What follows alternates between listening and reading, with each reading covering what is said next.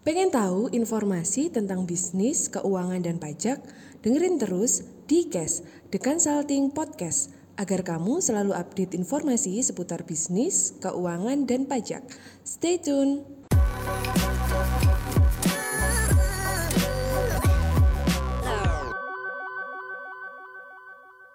Nah, kali ini saya akan membahas tentang uh, pajak untuk programmer nih. Programmer nih yang yang programmer merupakan uh, profesi yang baru-baru ini ini sedang naik daun ya karena uh, tuntutan zaman, tuntutan bisnis di mana usaha ini diharapkan semua terdigitalisasi ya.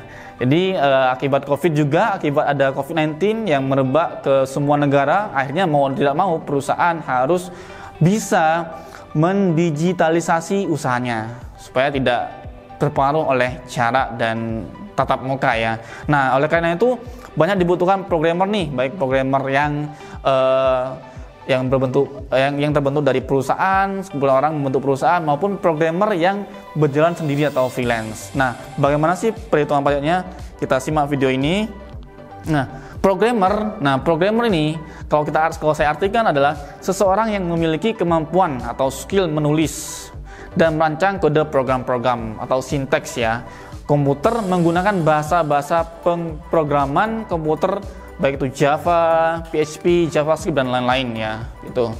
Nah, programmer ini ini uh, sama di kalau kita bagi dalam dua kelompok besar adalah programmer yang dijalankan oleh perusahaan. Nah, itu ah, ini terja, eh, ini berbentuk dari sekumpulan orang yang mendirikan perusahaan, baik itu perusahaan CV atau BT.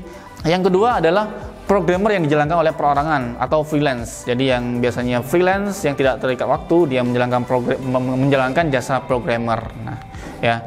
Nah, berapa sih tarif dari uh, yang pertama kita bahas tarif dari programmer yang dijalankan oleh uh, usaha atau perusahaan ya.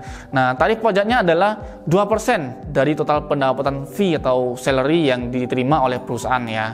Nah, 2% ini akan dipotong oleh uh, perusahaan yang menggunakan jasa programmer tersebut ya. Nantinya 2% ini akan akan diganti dengan bukti potong sebagai ganti bahwa uh, perusahaan yang memakai jasa programmer itu sudah memotong 2%. Nah, nantinya 2% ini yang dipotong sebelumnya oleh pemberi jasa untuk uh, sebagai untuk seorang perusahaan program nanti setiap tahun dia akan menjadi pengurang ya. Jadi pajak yang yang bayar dibayar setahunan oleh programmer itu akan dikurangi 2%. Nah, tarif ini ini tergolong sebagai tarif PP23 ya. PP23, PP23 itu adalah pajak penghasilan yang yang yang yang, diterima dari penggunaan jasa, jasa ya. Baik jasa uh, programmer dan jasa lain-lainnya ya. Nah, untuk uh, jasa programmer yang dijalankan oleh freelance atau pribadi ini berbeda dengan tarif yang di perusahaan ya. Tarifnya adalah dua setengah persen ya, dua setengah persen. Jadi misalkan uh, teman-teman yang saat ini menjalankan usaha sebagai programmer, teman-teman harusnya uh, dipotong dua setengah persen oleh si pemakai jasa ya. Nah, nah jika uh, jika lo programmer tidak memiliki NPWP, nah ini akan akan naik 100% ya tarifnya jadi artinya 105% jadinya nanti kalau kalau misalkan teman-teman programmer itu tidak punya MPWP. Nah, nanti juga uh, programmer ini akan mendapatkan bukti potong sebagai bukti bahwa dia uh, menerima penghasilan dan dipotong sebesar dua setengah persen. Nah, eh, potongan ini akan menjadi pengurang nanti uh, setiap teman-teman melakukan pelaporan SPT tahunan. Nah, tarif ini ini disebut dengan tarif PPh 21, artinya penghasilan yang diterima oleh orang pribadi maupun karyawan. Ya. Nah, itulah tadi perhitungan uh, pajak untuk programmer. Semoga teman-teman sadar dan tahu cara perhitungannya sehingga bisa memberikan kontribusi yang lebih untuk pajak kita ya. Terima kasih atas waktunya. Semoga uh, informasi tadi bermanfaat. Terima kasih.